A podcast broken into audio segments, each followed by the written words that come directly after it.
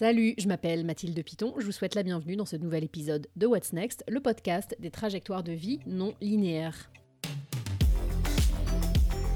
Dans cet épisode, je parle avec une personne solaire qui a une énergie de dingue. On s'est parlé un lundi matin, c'était une excellente façon de commencer ma semaine et en fait j'ai eu à peine le temps de lui expliquer comment ça allait se passer qu'on était euh, déjà parti à discuter. Alors j'ai laissé tomber mes petites questions pour me laisser porter par la conversation avec Anna Ostry, mon invitée du jour, qui a eu mille vies professionnelles. Vous le verrez, on va parler aussi bien de coiffure que d'écriture, de valeur que d'amaigrissement, de chronique à la télé chez Sophie Davant que d'orthographe chez Larousse. Mais avant de l'écouter, permettez-moi de me présenter. Je m'appelle Mathilde, je suis française, je vis aux États-Unis, à Boston, depuis un peu plus de 10 ans. Dans la vie, j'ai été éditrice, j'ai été autrice de guides de voyage et de livres pratiques, j'ai été prof de yoga, j'ai monté une petite entreprise de visite guidée pour des voyageurs francophones. Mon parcours professionnel a longtemps euh, suivi son chemin, mais il semblerait que j'arrive à une croisée des chemins depuis quelques mois post-pandémie, post-premier bébé à la toute fin de ma trentaine. Je m'interroge sérieusement sur ce que va être ma prochaine aventure professionnelle. Alors plutôt que de revenir de façon triomphante, enfin j'espère, je raconte les détails de ces tribulations professionnelles et existentielles toutes les semaines dans un récit qui s'intitule What's Next?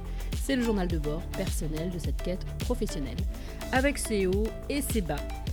C'est peut-être quelque chose que vous connaissez, que vous traversez. Vous vous demandez peut-être si vous êtes dans la bonne voie, dans la bonne vie. Alors si c'est le cas, bah, rejoignez-moi sur Substack où je raconte mon histoire semaine après semaine, tous les vendredis. Cet abonnement est payant, seulement 6 dollars ou 6 euros par mois. Le lien est dans les notes de cet épisode. J'en profite pour remercier toutes les personnes qui se sont abonnées, qui participent, témoignent, rendent cet espace vivant et intéressant. Ce projet est soutenu par vous, les lecteurs, les lectrices, les auditeurs, les auditrices de ce podcast. Donc je vous attends si vous vous dites ouais franchement j'écoute tous les épisodes, j'ai envie de lire sa newsletter, vous, avez envie de passer le cap, ben allez-y, je vous attends. Et puisque je parle coaching dans ma newsletter, il fallait que j'interviewe une coach et pas n'importe qui. Donc, je vous l'ai dit, elle s'appelle Anna Ostry. Comme souvent, cette intro est longue et c'est pas fini, c'est presque fini. Il faut que je vous parle de comment j'ai rencontré mon invitée, Anna. Il y a plus de dix ans, quand j'étais éditrice chez Larousse, on m'a confié un manuscrit qu'il fallait euh, structurer, relire.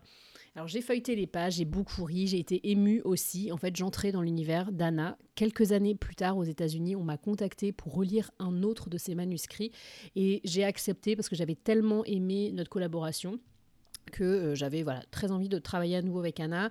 Et euh, le livre qui en est ressorti s'appelait 30 euh, jours pour tout changer. Il est sorti en 2018, toujours aux éditions Larousse.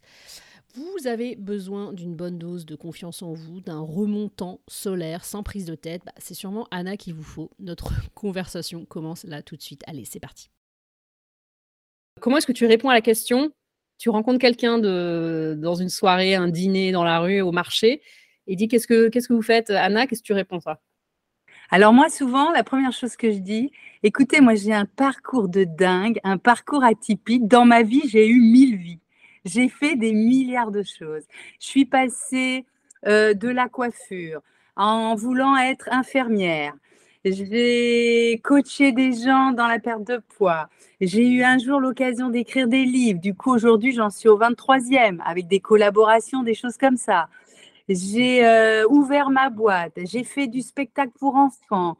J'ai euh, créé deux spectacles, un sur l'alimentation, un sur l'hygiène pour les, pour les écoles, pour les enfants d'école maternelle.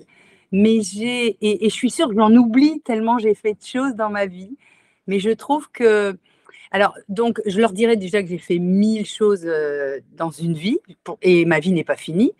Et que dans ma vie, ce qui m'a toujours guidée, c'est le désir de transmettre, l'envie de faire des choses différentes et de ne pas faire comme tout le monde, de faire des choses différentes et de ne pas faire comme tout le monde. Ça, ça a été vraiment quelque chose qui a, qui a comment dire, ça a été le fil conducteur de ma vie. Alors peut-être parce que j'ai été élevée par une maman qui me disait, si tu veux fumer, fume, mais tu t'achètes tes cigarettes. J'ai jamais fumé. Si tu veux, en fait, essaye de ne pas être un mouton, de ne pas faire comme tout le monde fais ce que tu aimes, ce que tu as envie de faire. Alors, je pense que peut-être que, tu vois, dans mon inconscient, ça a dû travailler. Donc aujourd'hui, tu dis que tu as mille vies, mais qu'est-ce que tu fais concrètement là dans une, c'est quoi une semaine dans, dans ta vie quoi? Alors, c'est quoi une semaine? Alors aujourd'hui, qu'est-ce que je fais? J'ai ouvert ma boîte après une reconversion.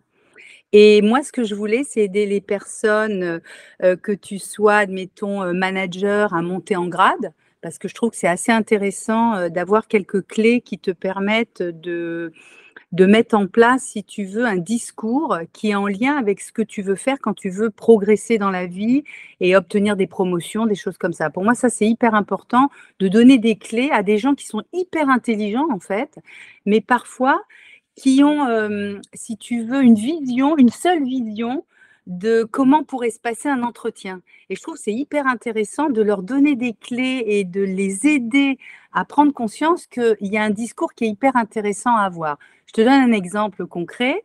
J'ai coaché quelqu'un qui voulait passer, si tu veux, dans le domaine de Air France, qui voulait avoir un poste plus important. Et elle, quand elle passait l'entretien, on lui demandait ben, quelle femme vous êtes? Tu parce que tu as besoin de connaître les gens, comment, ils, voilà, comment ils savent peut-être parler d'eux, qu'est-ce qu'ils pensent d'eux et tout. Et elle disait, ben, moi, je suis souriante, je suis gentille. Mais en fait, ça, ça veut rien dire, je suis souriante, je suis gentille. Et, oui, en soi, elle est souriante, gentille, mais qui elle est au fond d'elle? Et permettre aux gens de se découvrir, de savoir parler d'eux, d'être, tu vois, enthousiaste à l'idée de raconter qui on est. Moi, j'adore aider les gens dans ce domaine-là. Et donc, je suis coach et je suis coach aussi dans la perte de poids. J'aide des femmes, on va dire, qui sont aux alentours de la préménopause à ménopause, à perdre du poids parce que j'ai l'intime conviction que la perte de poids, c'est pas que l'assiette il y a aussi cette dimension pour se transformer, il y a cette dimension euh, état d'esprit, le mental, le moral, et puis de la pédagogie. Pour moi, je suis intimement persuadée que le savoir amène le pouvoir, mais pas le pouvoir, j'ai le pouvoir, plutôt je peux faire les choses. Si je sais que je comprends pourquoi ils ont un sens, une utilité, de la valeur. Alors ça, j'adore. Alors là, je suis grave fan de ça. J'adore mon métier pour ça. Et quand je vois les gens se transformer, mais c'est waouh pour moi.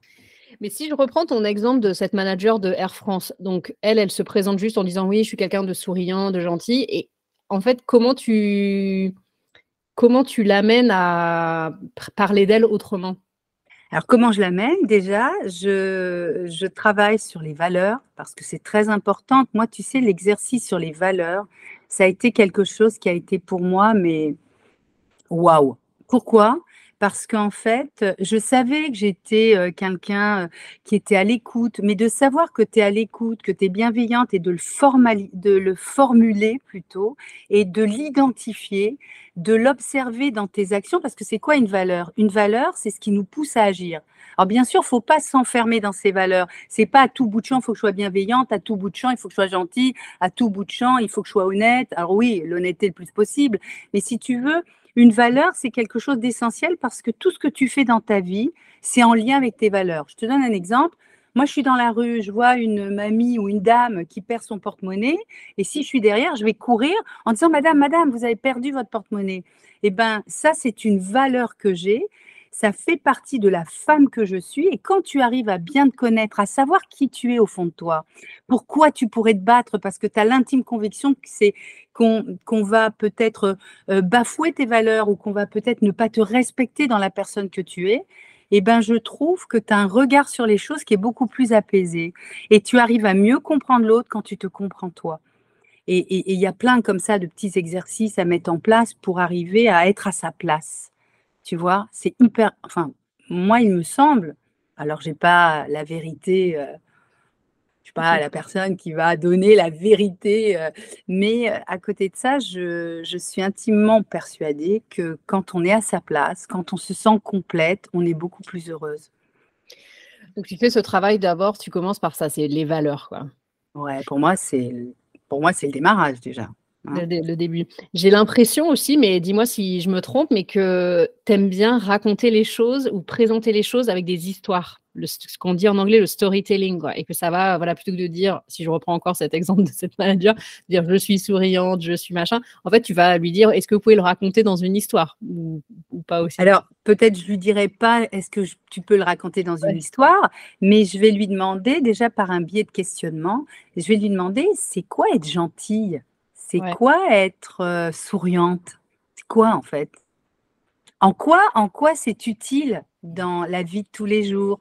En quoi c'est utile face à un interlocuteur qui est là pour euh, se projeter, tu vois, et te donner un poste qui est très important, puisqu'en fait, dans le poste qu'elle euh, euh, qu'elle visait, c'était quand même beaucoup avoir le sens des responsabilités, l'autonomie, la sécurité. Tu vois, ça dépend aussi quel poste tu vises quelque part.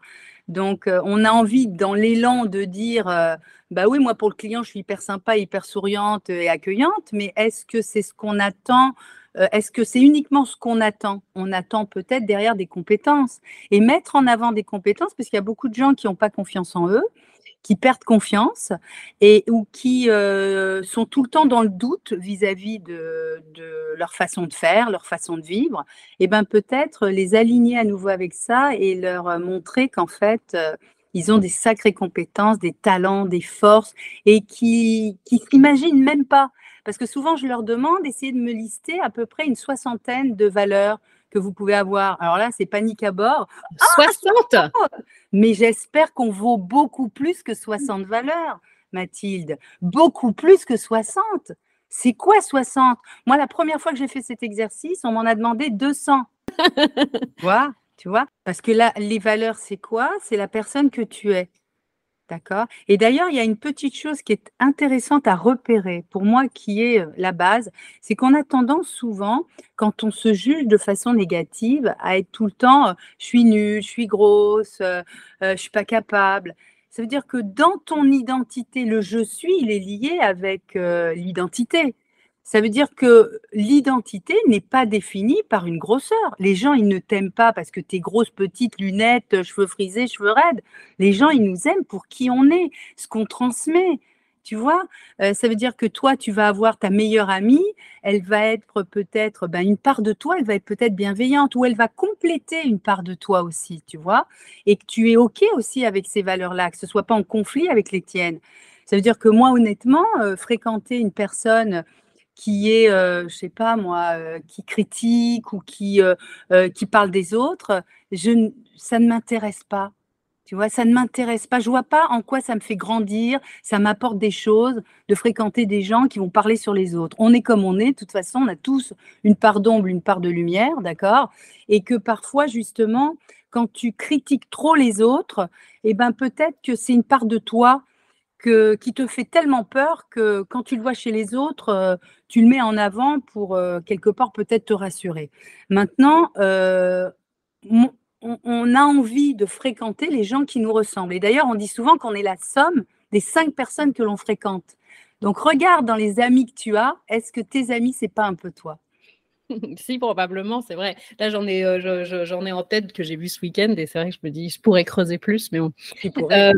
tu disais que pour tes programmes d'amaigrissement, tu t'adressais aux femmes en périménopause ou ménopause. Et pour ton, pour tes, pour ton coaching, qui sont tes coachés?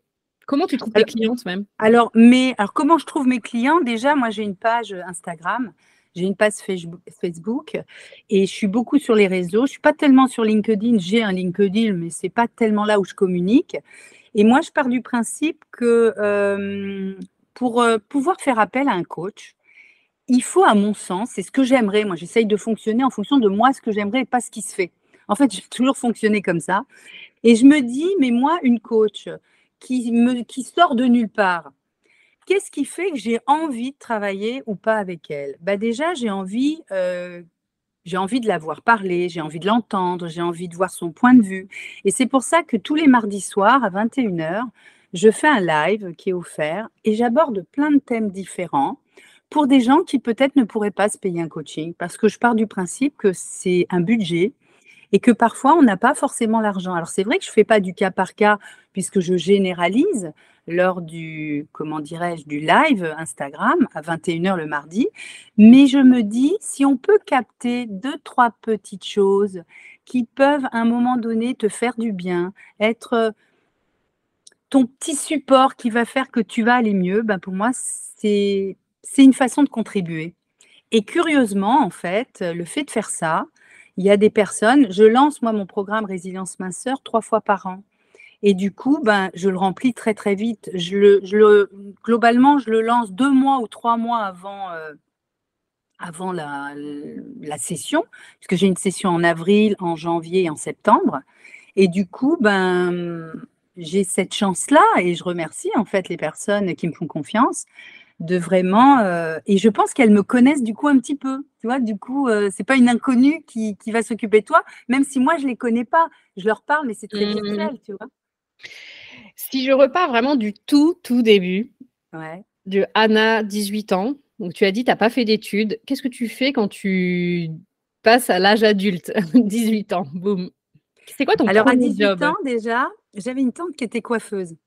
Et à 18 ans euh, mon père veut absolument que je sois infirmière. Donc, euh, je commence euh, des études. À l'époque, ça s'appelait un bac, pas un bac, un BEP sanitaire et social. Mais tu pouvais pas, avec ce, BEP sanitaire et social, t'orienter pour être infirmière. Il fallait passer un concours. Donc, je réussis à avoir le, le BEP pardon, euh, sanitaire et social. Donc, euh, bah, dans ce BEP, on travaille en crèche, on travaille dans les hôpitaux. Alors, j'ai travaillé euh, en gériatrie avec les personnes âgées et tout. J'ai adoré, mais j'étais quand même assez sensible. Ça veut dire que des fois, le vendredi, tu partais et le lundi, la personne était décédée. Parce qu'en mmh. gériatrie, ça va quand même très, très vite. Et donc, je me suis aperçue que quand même, moi, je suis hyper sensible. C'était pas très agréable.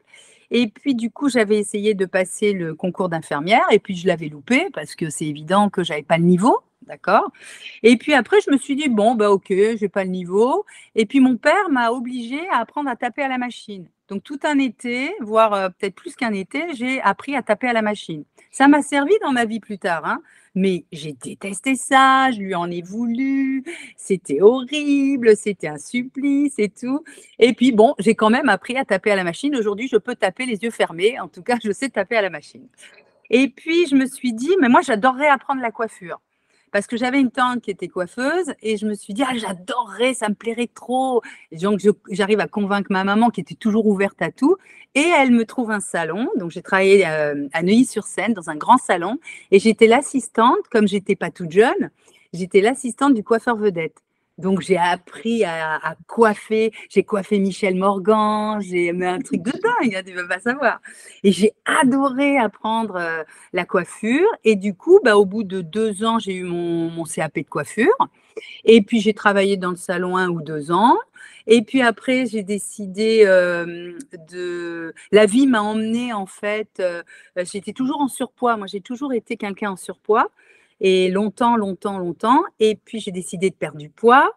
J'ai perdu du poids, j'ai intégré cette société qui euh, aidait les gens à perdre du poids. J'ai eu l'occasion, bah, j'avais beaucoup de monde dans mes ateliers, mes réunions, et j'ai eu l'occasion ben, de... Je me suis dit à un moment donné, moi j'adorais transmettre l'alimentation aux enfants. Et puis j'avais aucune idée en fait comment on montait un spectacle, mais j'avais fait du théâtre. Et donc, du coup, je me suis dit, bon, il faut une licence d'entrepreneur de spectacle. Donc, j'ai tout, j'ai fait les choses une par une, un pas à la fois. Et quand j'avais devant moi quelque chose à surmonter, où je me disais, ben là, je suis bloquée, là, je peux pas. J'ai pas le bac pour avoir la licence, j'ai pas si, comment on peut l'avoir autrement? Donc, j'ai appelé, comment on fait pour avoir la licence si on n'a pas le bac? j'ai réussi. J'ai eu la licence d'entrepreneur de spectacle. J'ai tourné pendant 15 ans dans les écoles maternelles, au Luxembourg. Je suis allée partout, dans toute la France. Mais j'ai adoré un truc de dingue. J'ai adoré, j'ai adoré. Tu t'appelais pas la fée bleue à cette époque? Il a fait équilibre. La, fée, équilibre. La fée équilibre. Donc, euh, du coup, même sur les réseaux, peut-être il reste des traces de la fée équilibre. J'ai vraiment vécu des moments dans des théâtres où j'ai les enfants qui chantaient mes chansons parce que j'avais tout fait dans ce spectacle. Tu peux pas t'imaginer. J'avais mobilisé tout mon immeuble. C'était beaucoup de retraités qui ne savaient pas trop quoi faire. Et ben, je leur ai dit, et si je faisais un spectacle et si vous m'aidiez? Et donc, ils m'ont tous aidé. Il y avait des couturières, il y avait un monsieur qui savait faire les décors. Alors, euh, aujourd'hui, ils sont tous décédés, mais ça a été un moment mais enthousiasmant. Tout le monde était enthousiasmé. Tu sais, la grande force que j'ai, Mathilde, c'est que je sais convaincre et embarquer les gens. Mais je vois ça, mais c'est dingue, je savais pas que la Fée Équilibre, elle avait embarqué tout son immeuble pour... Tout euh, mon immeuble de retraité. Ça veut dire que dans la vie, tu vois, on se met des barrières. On, est tout le temps entre en train de, se dire, mais ça, je peux pas, ça, j'y arriverai pas, ça, c'est trop compliqué. Moi, je pars du principe que il y a des moments où c'est plus difficile que d'autres, bien sûr. Euh, mais à côté de ça, pourquoi je serais pas capable? Pourquoi il y en a qui seraient capables et moi, je serais pas capable? La seule chose, c'est que je vais, je vais peut-être mettre plus de temps. Je vais peut-être, euh, comment dirais-je, devoir ramer plus par rapport à d'autres personnes. Et c'est pas certain, parce que parfois, ça a été plutôt facile. Je vais te raconter une petite anecdote très, très rapidement. C'est que quand j'ai créé mon spectacle pour enfants, je me suis dit, euh, quel est le meilleur endroit pour faire connaître mon spectacle pour enfants puisque je veux travailler dans les écoles? Et ben Pour moi, c'était le salon de l'éducation. Le problème du salon de l'éducation, pour genre 2 euh, mètres carrés, euh, tu as besoin de, en fonction du mètre carré, j'avais besoin de 2000 euros. Bah, qui a 2000 euros, sachant que tu n'auras peut-être même pas de retour, tu vois? Donc, ce que j'ai fait, c'est j'ai appelé les responsables et je leur ai dit, voilà, moi, je vous propose un super spectacle gratuit pour animer le salon de l'éducation écoute, j'ai eu un truc, un truc de dingue, un truc royal pour les spectateurs. J'ai pu faire mon spectacle et du coup, moi, c'était une façon détournée. J'offrais le spectacle gratuitement, mais ça me permettait de me faire connaître. Tu vois, il y a toujours les moyens, toujours un moyen. Mais ça, tu te dis pas, est-ce que tu avais personne qui te, qui te, avec qui t'en discutait Ça devenait de toi, ça devenait de, de ton ah tempérament Parce que je crois que j'ai mon esprit qui est toujours orienté solution. J'ai un esprit naturel qui est toujours orienté solution. Toujours. Mais c'est vrai que tu as quand même un tempérament, euh, une, espèce de joie de vivre communicative. Quoi. Mais alors, donc, tu fais la fée équilibre pendant 15 ans. Et j'ai l'impression que c'est plus ou moins à ce moment-là qu'on a dû se rencontrer, parce que j'ai l'impression que c'était à la fin de ta, de ta, de ta carrière de fée que tu es arrivée chez Larousse. Et moi, je me souviens quand on m'a donné ton manuscrit, en fait, euh, ma responsable à l'époque, elle me dit euh, Ouais, on a reçu ce manuscrit, euh, regarde, c'est pas mal, mais il faut, faut un peu d'organisation. Et je me souviens avoir commencé à feuilleter les pages et je me suis marré, mais vraiment, j'ai rigolé. Et je me disais, mais c'est de l'or, quoi. Ce, manuscrit, il est génial. J'ai commencé à réorganiser et tout ça. Puis après, on s'est, on s'est rencontrés, on a travaillé ensemble. Mais toi, comment tu es arrivé chez Larousse avec ton manuscrit? Alors, mon, mon, manuscrit, c'est pas que je suis arrivée chez Larousse avec mon manuscrit, c'est que depuis toujours, en fait, j'écrivais des petites choses. Et j'avais rencontré, comment elle s'appelle? J'avais rencontré, oh, son nom m'échappe alors qu'elle est hyper importante dans ma vie. Ah, attends. Chez Larousse? Oui, chez Larousse. Catherine? Catherine, voilà. J'avais rencontré Catherine. Et Catherine, elle, elle avait vu en moi que j'étais quelqu'un qui parlait facilement, qui était. Euh, moi, j'adore rencontrer des gens, j'adore, euh, euh, j'adore échanger, j'adore. voilà. Et, du coup, elle, elle m'avait dit, mais Anna, ça, ça vous dirait pas d'écrire un livre? Et alors, du coup, moi, ça avait un peu si tu veux, bah oui, parce que moi j'ai toujours plein de choses à raconter. Et ce qui était intéressant, je trouvais, c'est de raconter mon parcours qui était aussi un peu atypique et en même temps raconter comment j'avais fait pour perdre 35 kilos. Et alors que j'ai maigri 35 kilos en, longtemps, hein. moi j'ai mis trois ans pour les perdre. Et du coup, bah, j'avais euh, toujours pris plein de notes dans mon quotidien, mais sur des bouts de, tiens, tu vois, sur des bouts de, de, papier. J'écris toujours des petits trucs, des mots, tout ça. Et puis du coup, bah, j'ai un peu mis ça un peu l'un à la suite des autres. Alors en effet, tu vois, l'organisation, c'est pas un de mes points forts. Je suis quelqu'un qui est euh, spontané et qui n'est pas du tout structuré. Ça, c'est clair et net, ça je le sais. Alors, est-ce que quelque part, c'est peut-être une force aussi de ne pas être structuré? Parce que du coup, si tu veux, je n'ai pas peur de, de démarrer quelque chose. Tu vois, quelqu'un qui est très structuré va attendre d'être structuré pour peut-être faire les choses. Quelqu'un qui va être perfectionniste, le fait de penser que ça ne pourrait pas être parfait, il va peut-être même pas commencer. Moi, je m'en fous. Moi, je fais. Et après, je modifie. Après, j'articule. Après, je corrige. Après, euh, tu vois, Mais quand tu sais pas faire, faut bien démarrer par quelque chose. Si j'attendais, si j'avais attendu que les choses que je devais faire ou que j'ai mis en place auraient dû être parfaites, mais j'aurais jamais rien fait dans ma vie parce que ça n'aurait jamais été parfait du premier coup, tu vois. Donc du coup, bah, j'avais tout noté, j'avais eu un rendez-vous avec la direction Larousse, et, et je crois que dans la vie, il y a des moments où ça match. Tu peux pas expliquer. C'est ça l'inconnu qui derrière l'inconnu, il y a le cadeau. Mais je pense, enfin, donc Catherine, c'est donc Catherine Delprat qui était une, euh, responsable éditoriale, même une euh, directrice de département chez Larousse, et elle a trouvé plein, plein d'auteurs. Je pense que c'était son talent à elle de savoir trouver des auteurs. Et je pense que quand elle t'a rencontré, elle a dû se dire non, mais cette personne est géniale, elle a plein de choses à raconter. Et en fait, comme tu dis, peut-être l'organisation, c'est pas ton fort, mais en fait, peu importe, parce que toi, tu as toutes les idées, tu as l'énergie, et euh, après, les, les, petites mains, les éditrices, c'est elles qui vont organiser et qui vont. Génial. Génial ça. Pour faire tout ça, quoi. Mais et, alors, et alors, je te coupe aussi parce qu'il y a un truc qui est génial, c'est que quand j'ai été à ce rendez-vous avec la directrice, la sous-directrice qui m'ont accueilli, euh, vraiment, c'était génial. Et d'ailleurs, la secrétaire de direction, quand elle m'a appelé pour le rendez-vous, j'ai dit là, je peux pas avant deux mois parce que j'avais des spectacles, j'étais pas dispo du tout, tu vois? Et donc, du coup, quand j'ai eu ce fameux rendez-vous, à la fin du rendez-vous, je leur ai dit il y a une chose que je dois quand même vous dire. Moi, je suis pas l'as des as de l'orthographe. D'accord? Et je trouve qu'à un moment donné, tu vois, il y a plein de gens qui vont se mettre des bâtons dans les roues parce qu'ils ont une faiblesse. Et c'est intéressant de se poser la question, qu'est-ce qui te fait à ce point peur dans ta vie qui fait que tu n'avances pas? Eh bien, quand tu traverses cette tempête et que tu acceptes de ne pas être à la hauteur, ben, moi pour le coup au niveau euh, de, de l'orthographe, eh ben, du coup, ça m'a libéré un truc parce que du coup, elles m'ont dit, mais Anna, ne vous inquiétez pas de ça, il y a des gens qui sont très bons en orthographe et qui géreront la situation. Mais tu vois comment parfois le fait d'oser dire, d'être authentique, j'allais pas cacher et vivre l'enfer derrière, tu vois, parce que c'est compliqué hein, aussi. Tu vois mmh. du coup, tu n'arrives pas à te libérer de, de, de du talent peut-être que tu as parce que tu te mets toi-même dans ta prison. Mais je pense que ce que tu as dit, ce mot-là d'être authentique, c'est quelque chose. Euh, c'est pas toujours euh, facile pour tout le monde, comme tu penses, je pense que tu dois le voir chez tes, chez tes coachés, quoi, de, de, de, de, dire les choses en fait, et après de voir que ce que tu, toi, tu te mettais comme barrière n'est pas nécessairement une.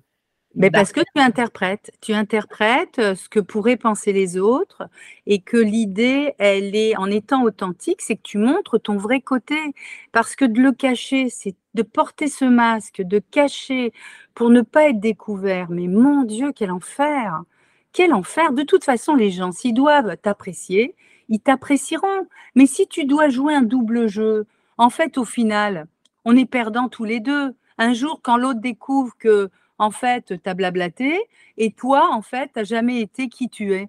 Ben non, bah écoute, tu m'aimes comme je suis, ou sinon, bah, passe ton chemin, peut-être tu y aura quelqu'un d'autre plus intéressant qui te conviendra.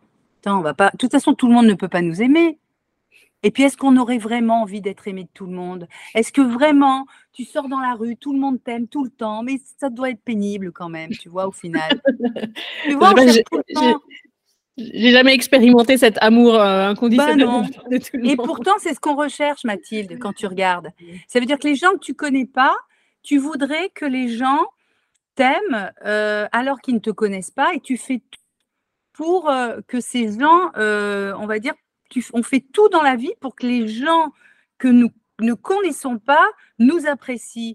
Et limite, on, met à mal notre propre famille parce qu'on a l'impression que cet amour, il est acquis. Eh bien, je crois qu'à un moment donné, euh, les gens nous aiment, ok, les gens ne nous aiment pas, on passe notre chemin. Tant pis, ils savent pas ce qu'ils perdent. Final. Toi, donc après le, la sortie du journal du Next Grow, c'était en 2012. Euh, qu'est-ce qui s'est passé? Parce que ça a été un grand succès des trucs de fou. Ça veut dire que bah, quand j'ai sorti mon livre, déjà, c'était fou sur les réseaux, sur Internet. Enfin, à l'époque, il n'y avait pas trop les réseaux, j'ai pas souvenir. Il y avait un peu, mais il y avait beaucoup sur Internet, sur la toile. Euh, il y a des gens qui m'ont téléphoné, qui me disaient, mais Anna, euh, j'ai vu un livre euh, que tu as écrit, parce que j'en avais parlé, que j'avais écrit. Et du coup, avec mon nom, bah, ça a été vraiment, bah, je crois que j'en ai vendu, je crois qu'il y a 40 000 exemplaires, plus il y a, je ne sais pas si France Loisirs compte dedans, tu vois, parce que France Loisirs, j'en ai vendu aussi beaucoup avec France, France Loisirs. Et, et ben, j'ai été beaucoup appelée par différentes télés. J'ai du coup, bah, c'est ça aussi que je n'ai pas raconté. Une fois que j'ai eu écrit le journal du Next Gros, je suis souvent passée à la télé.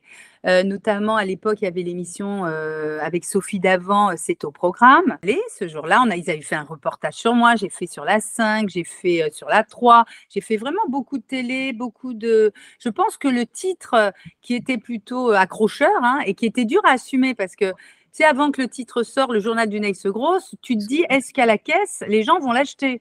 Parce que c'est fort quand même comme titre, tu vois, ça peut peut-être, à un moment donné, ouais. t'oses pas, tu caches le titre pour passer en caisse, tu vois. Puis en fait, ça n'a pas. Les gens sont peut-être curieux, ils avaient envie de voir que contenait en fait ce livre. Et puis après, j'ai écrit les recettes faciles et légères avec avec justement, euh, oh, les noms, j'arrive pas aujourd'hui, hein, je suis fatiguée. Élise, voilà, Élise, c'était Élise. Et avec qui j'ai super bien matché, c'était génial. Et du coup, je suis passée à nouveau chez Sophie Davant pour ce livre. Et là, du coup, ils m'ont demandé de venir régulièrement à l'émission pour présenter des recettes légères. Donc, j'ai passé quatre ans à travailler pour Sophie Davant. Alors, on était plusieurs, donc il y avait une semaine tu vois, sur le mois ou sur les deux mois. Et donc régulièrement, comme ça, je, faisais de la cuisine et je présentais des recettes. Donc encore une nouvelle expérience, tu vois, euh, top. Donc ça m'a apporté beaucoup en fait. Mais moi, il y a une chose qui est pour moi importante, c'est saisis les opportunités qui se présentent à toi. Saisis-les. Mais saisis-les pour apprendre quelque chose, pour découvrir quelque chose. Pas pour gagner de l'argent ou, tu vois, saisis-les mmh. pour une nouvelle découverte. La vie, c'est un grand terrain de jeu. Il faut tester plein de choses. Ça quand même, il y a quand même beaucoup de choses qui t'ont souri. Est-ce que je peux poser une question négative? Est-ce qu'il y a des choses qui ont, qui ont foiré dans ta carrière? Alors, qu'est-ce qui. Eh ben justement, tu sais, je me posais cette question parce que j'ai tendance à voir tellement le positif dans chaque chose que j'ai pas quelque chose où je me dis euh, qu'est-ce qui a euh, foiré dans ma vie. J'ai voulu euh, me marier avec un prince charmant, ben, j'ai trouvé mon prince charmant. J'ai bien sûr, comme toutes, les, toutes les vies de couple, il y a des hauts et des bas. Qu'est-ce que j'ai. Mais professionnellement, en fait, tu as réussi à retourner. Il n'y a jamais eu un moment où tu t'es dit, ou alors quand tu t'es dit ça c'est trop, ça j'en ai assez, ou l'a fait équilibre, un moment je l'ai fait 15 ans, je vais passer à autre chose. les bah, choses se sont enchaînées. Parce que, en fait, quand j'ai arrêté, je l'ai arrêté de moi-même et je me suis dit, maintenant j'ai envie de faire ça. En fait, je me dis, j'ai envie de quoi? Ben, J'ai envie de faire ça. Parce que l'envie peut être moteur. Il y a le besoin qui peut être moteur, parce que le besoin, il est toujours lié à la survie, quelque part, tu vois? J'ai besoin de ça pour euh, aller mieux, j'ai besoin de ça pour euh, euh, me permettre de sortir la tête de l'eau. Donc, c'est une question, on va dire, de survie. Et puis, il y a l'envie qui est le plaisir, qui est le confort, qui est enthousiasmant, qui, qui est source de, tu sais, moi j'adore la symbolique du mot motivation, c'est le motif à l'action eh ben moi, j'ai toujours un motif à mes actions. J'adore. Ah, c'est beau de dire ça, ouais. Moi, j'ai fait un coaching et elle, la coach avec qui j'ai travaillé, elle parlait beaucoup d'intention et ça m'a vachement marqué de dire pourquoi tu fais les choses, quelle est ton intention et je trouve que ça, ça aide aussi à avancer. Moi, en tout cas, ça m'aide. Mais j'aime bien motivation aussi, c'est pas, pas L'intention et, la, et je dirais euh, le sens et la valeur que tu donnes aux choses. Si ce que tu veux faire, ça a de la valeur, tu vas sûrement t'investir beaucoup plus, tu vois. Et s'écouter pour que, bien sûr, euh, euh, le projet ou ce que tu as envie de faire, ça te parle et tu as une petite voix au fond qui te dit c'est ça, ouais, c'est ça. Allez. Mais alors, comment on les trouve, ces valeurs? Et j'en profite du coup pour parler du deuxième livre sur lequel on a travaillé ensemble qui s'appelait 30 jours pour changer de vie, parce que tu en parles justement des valeurs et tu demandes de les lister et tu donnes des exemples. Mais comment on les, il faudrait que je retrouve le, chapitre sur ça. Mais comment on les cherche, ces valeurs alors? Alors déjà, il y a trois questions, moi, qui me semblent essentielles quand tu veux euh, trouver tes valeurs. La première, c'est de répondre à la, question quelle femme je suis? Quelle femme je suis en fait? Au fond de moi, quelle femme je suis? Donc ça, c'est... Moi, je sais qu'au fond de moi, je suis une personne euh, bienveillante. Je vais toujours... Euh, euh, regarder pour que les gens soient bien. Euh, je, vais, je vais toujours considérer les personnes. Pour moi, c'est très important la considération. C'est pas euh, seulement leur dire oui, oui, oui, oui, d'accord. Non, c'est considérer. Parce que quand tu es là, on a la douleur, c'est pas un minimum considéré, mais c'est quoi ça? Pour moi, c'est hyper important, tu vois. Et puis donc répondre à cette question dans un premier temps, quelle femme je suis, d'accord? Maintenant, s'observer, regarder au quotidien, ça, ça aide aussi pour trouver ses valeurs. Qu'est-ce qui guide mes actions? Ouais. Ça veut dire que quand, je sais pas, moi, euh, je range mes placards, eh ben, je m'aperçois que quand je range mes placards, je le fais d'une certaine façon. Eh ben, peut-être qu'il y a une valeur qui se cache derrière, qui est l'organisation. Je fais pratique, tu vois. Est-ce que quand dans ma vie au quotidien, je sais pas, j'arrive pas, je cherche tout le temps des astuces? Ben, peut-être que je suis astucieuse. Ça fait partie de mon mode de fonctionnement. Donc, c'est quelque chose qui guide mes actions au quotidien. Tu vois? Et puis, la troisième chose, c'est quelle est la valeur pour laquelle je pourrais me battre pour défendre cette valeur? Tu vois, moi, demain, dis-moi que je suis malhonnête, mais je te jure, euh, je peux me battre pour défendre mon honnêteté, mon intégrité. Et je trouve que déjà, quand tu réponds, tu trouves des réponses à ces trois questions, ça te donne une super orientation. Tu vois Après, il y a, donc tu vas lister plein de choses, d'accord Et d'ailleurs, il faut en lister un maximum. Et parfois, dans cette liste-là, on a tendance, alors c'est peut-être l'ego, là, tu vois, on a tendance à y mettre des valeurs qu'on a mis par devoir par obligation, parce que ça fait bien de dire je suis honnête. Peut-être tu n'es pas honnête, c'est pas ton truc l'honnêteté, mais c'est pas pour ça que c'est la fin du monde. Peut-être que tu as une valeur argent et tu n'oses pas le dire, mais c'est bien d'avoir une valeur argent. Mais qu'est-ce que tu vas faire avec cet argent? Tu vois, il y a des gens, euh, un, bandit qui aime l'argent, il a une valeur argent, mais après, de quelle façon il obtient cet argent? Après, ça lui appartient. Mais après tout, il a le droit d'avoir une valeur argent. Ça peut motiver dans la vie, la valeur argent. Tu vois, il n'y a pas de mauvaise valeur. C'est mmh. quelque chose de positif. Et parfois, donc, on peut les mettre par euh, devoir, par obligation. Donc, certaines, il faut les enlever, tu vois, parce que c'est pas une valeur, c'est pas ce que tu as envie, c'est qui tu es. Donc, euh, on fait un deuxième tri, tu vois, et après, on fait des groupes avec toutes ces valeurs. Et on ressort les, on va dire, 5, 6, 7 valeurs piliers qui sont en fait un guide, c'est comme un GPS aussi quelque part. Alors, il ne faut pas s'enfermer dedans parce que, comme je te le disais, euh, si de nature tu es bienveillante, mais tu n'es pas obligé d'être tout le temps bienveillante. C'est-à-dire, si quelqu'un vient te donner un coup de poing, tu vas pas dire merci. à un moment, ça va, quoi. Deux secondes, tu vois. Et, l'idée, elle est, une fois que tu as tes sept valeurs, eh ben, l'avantage, c'est que quand tu as des choix de vie à faire, plus ton choix est en lien avec tes valeurs et qu'il n'y a pas de conflit de valeurs, plus tu seras heureuse. Mais si je te donne un exemple, tu as euh, une valeur famille très importante et qu'on t'envoie dans un boulot à l'autre bout du monde, alors sûr, tu vas bien gagner ta vie, mais tu es loin de ta famille, ça marchera au début, mais ça ne marchera pas sur le long terme. Mmh. Donc c'est important tu parles à quelqu'un qui vit à l'étranger, donc ça forcément c'est le genre de question qu'on se pose quand on veut partir ou pas euh, vivre à l'étranger. Comment t'en es venu euh, justement à faire du coaching? Parce que j'ai l'impression qu'il y a beaucoup de formations, il y a beaucoup de. Est-ce que c'est quelque chose que tu t'es formée toute seule ou comment, comment ça t'est venu?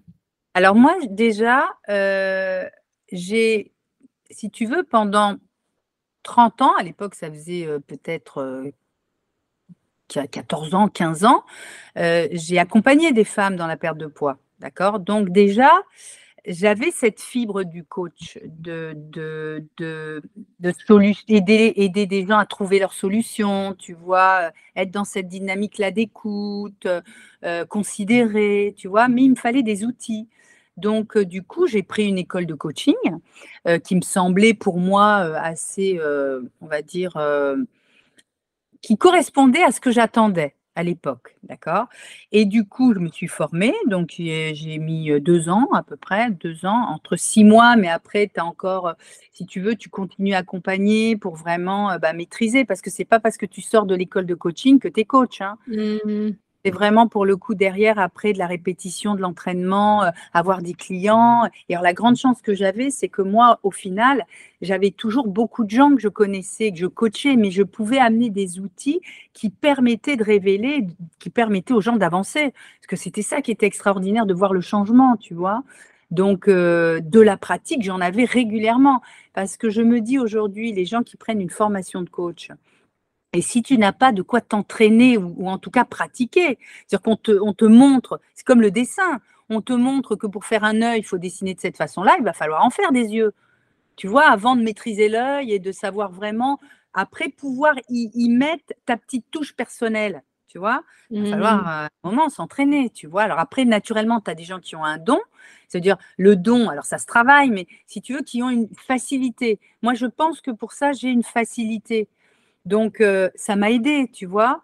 Mais euh, c'est quand même du travail, c'est connaître les bases. Je peux dire, quand je suis sortie de l'école de, coaching, tu en as comme ça plein la tête, mais comment tu utilises tous ces outils, à quel moment, tu vois?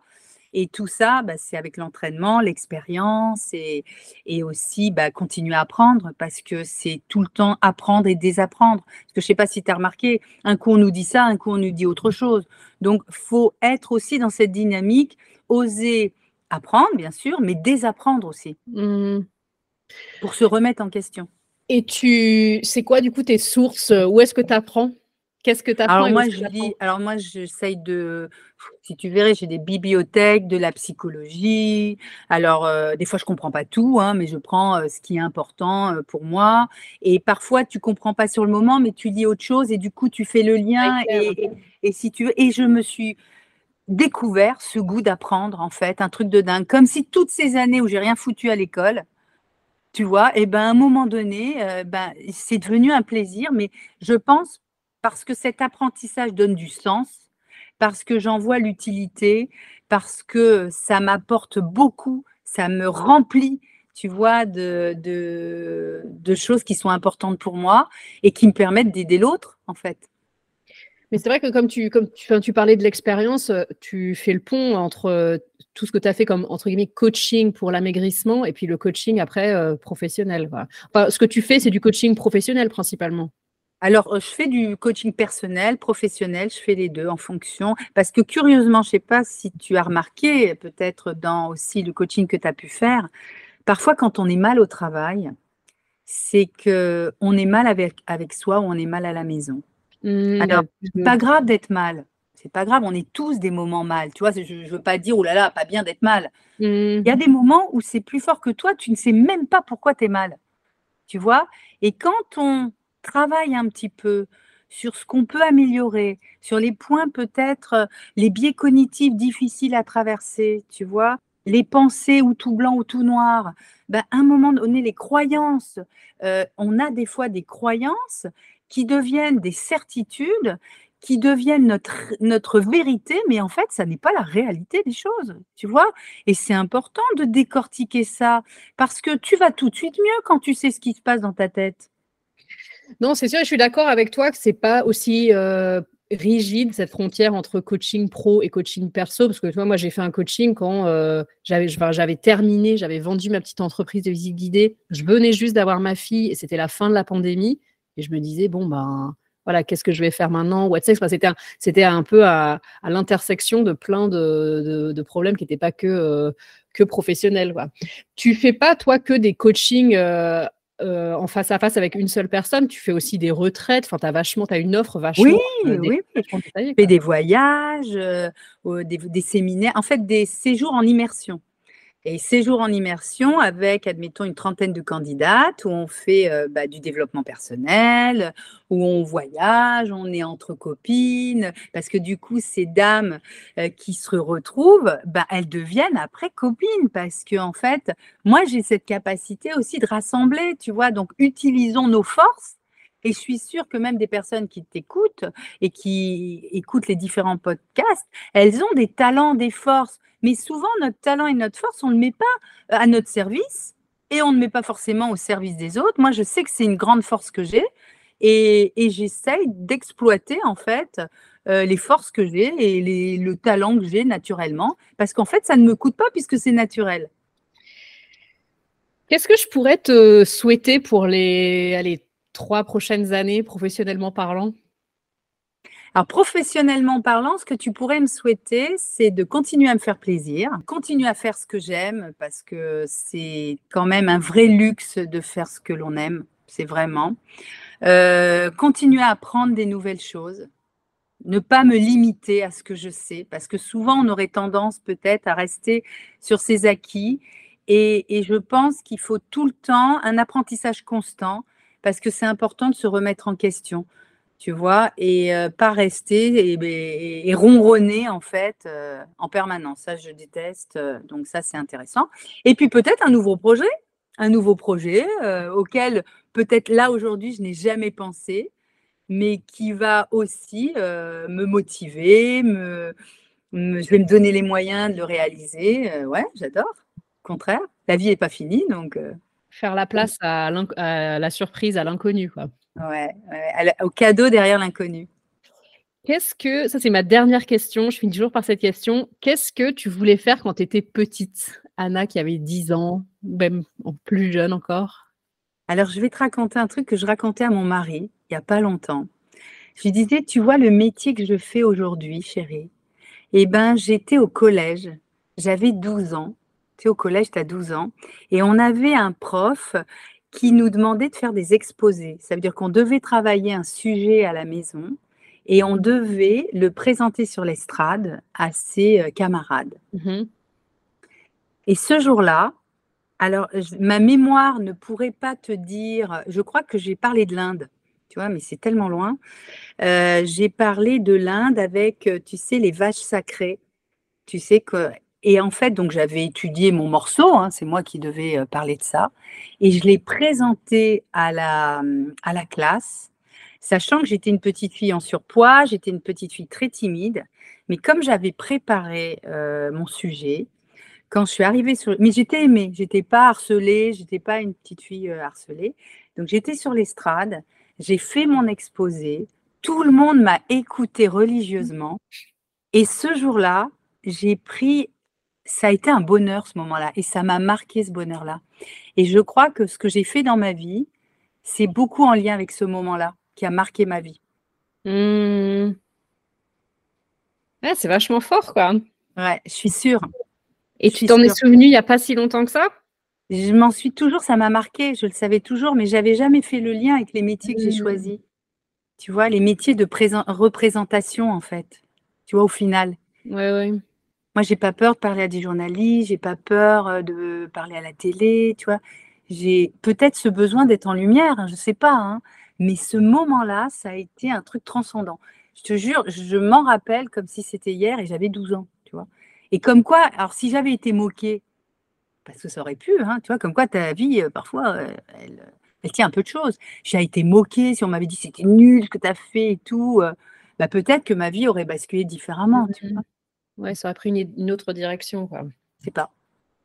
Où est-ce qu'on peut te retrouver? Tu disais que tu étais beaucoup sur Instagram et sur Facebook. Alors sur Instagram, anna.austruy. Euh, vous pouvez aussi me retrouver sur, mon, sur ma, ma plateforme, en fait. C'est annaaustruy.podia.com. Euh, et, puis sur les réseaux, Instagram, et toujours avec mon nom et mon prénom. Autant garder mon nom et mon prénom, c'est plus simple que d'aller chercher. Au début, je me dis, est-ce que j'appelle ma boîte? Alors, ce Alors, c'est pas une question d'ego, c'était pour faire simple. Parce qu'aller me prendre la tête à chercher un mot euh, un peu extraordinaire euh, qui voudrait, qui voudrait on va dire, qui voudrait résumer qui je suis, le meilleur, c'est mon nom et mon prénom. Et puis voilà, et je fais simple. J'aime ça, c'est direct. Ben écoute, j'espère qu'on aura, je sais pas si on aura l'occasion de travailler sur un autre livre ensemble, mais en tout cas, euh, si c'est le cas, bah, je, sais que ce sera un bon mais je sais que, voilà, je sais que là, j'ai un petit livre euh, que j'aimerais écrire. J'ai plein de sources, plein de choses en fait déjà. Euh, je sais de quoi je veux parler. Et de toute façon, je, je m'étais dit en moi, s'il y en a une qui sait vraiment traduire ce que je veux exprimer, c'est Mathilde. Donc, euh, je sais que, voilà. Je sais bien que si Larousse me dit OK pour toi, je, prends, je te prends toi, ça c'est clair. Ça marche. Eh bien, écoute, au plaisir, Anna, et merci. Je suis contente d'avoir commencé cette semaine avec toi. Bon, ben, en tout cas, merci à toi, merci beaucoup. Et puis, euh, je te souhaite aussi euh, une belle continuation dans ce que tu fais et le meilleur. Je t'embrasse. Bye bye, Anna. Cette semaine, dans What's Next, dans l'article numéro 32, je dresse le bilan de mon propre coaching qui a duré donc 6 euh, mois en 2022. Qu'est-ce qui en est ressorti? Qu'est-ce qui a fonctionné? Qu'est-ce qui a moins fonctionné? C'est le sujet de ma newsletter de la semaine, mon récit personnel sur ma vie professionnelle. Rendez-vous sur Substack, l'abonnement est payant. C'est vous qui euh, participez, qui le rendez possible en vous abonnant et puis en participant pour les personnes qui euh, se sentent concernées, qui ont des histoires à raconter aussi sur les thèmes que j'évoque. Voilà, euh, si euh, vous voulez aller plus loin, rendez-vous dans les notes de ce podcast pour en savoir plus. La rubrique dans mes DM Instagram que euh, j'avais l'habitude de programmer à la fin de ce podcast devrait revenir. Si vous voulez participer pour le prochain épisode, je vous attends dans cette rubrique. je vais vous faire le petit jingle dans mes DM Instagram. Ce sont vos réactions à une petite question en lien à l'épisode du jour. La prochaine fois, entre autres choses, avec mon invité, on va parler de New York. Je vais pas le chanter. Allez, New York. Bon, je, je sais pas. La question est la suivante. Que pensez-vous de cette ville? Vous adorez, vous détestez, vous y vivez, vous y êtes jamais allé, vous en rêvez? Venez me le dire en message vocal, 30 secondes, une minute, deux minutes. Dans mes DM Instagram, ça se passe sur What's Next Mathilde. Si vous m'écoutez jusqu'ici, si vous aimez ce que vous avez entendu, prenez votre téléphone, filez mettre 5 étoiles sur votre app d'écoute Spotify, Apple Podcast ou autre. On peut même maintenant laisser des commentaires directement sur Spotify. Venez me suivre sur Instagram à What's Next Mathilde. Commentez sous le post de l'épisode d'Anna. Ne me laissez pas seul derrière mon micro. Rendez ce moment un peu plus interactif en participant, en commentant, en likant. Je vous dis à dans deux semaines sur le podcast et tous les vendredis à 8h30 sur Substack pour la newsletter. Bye bye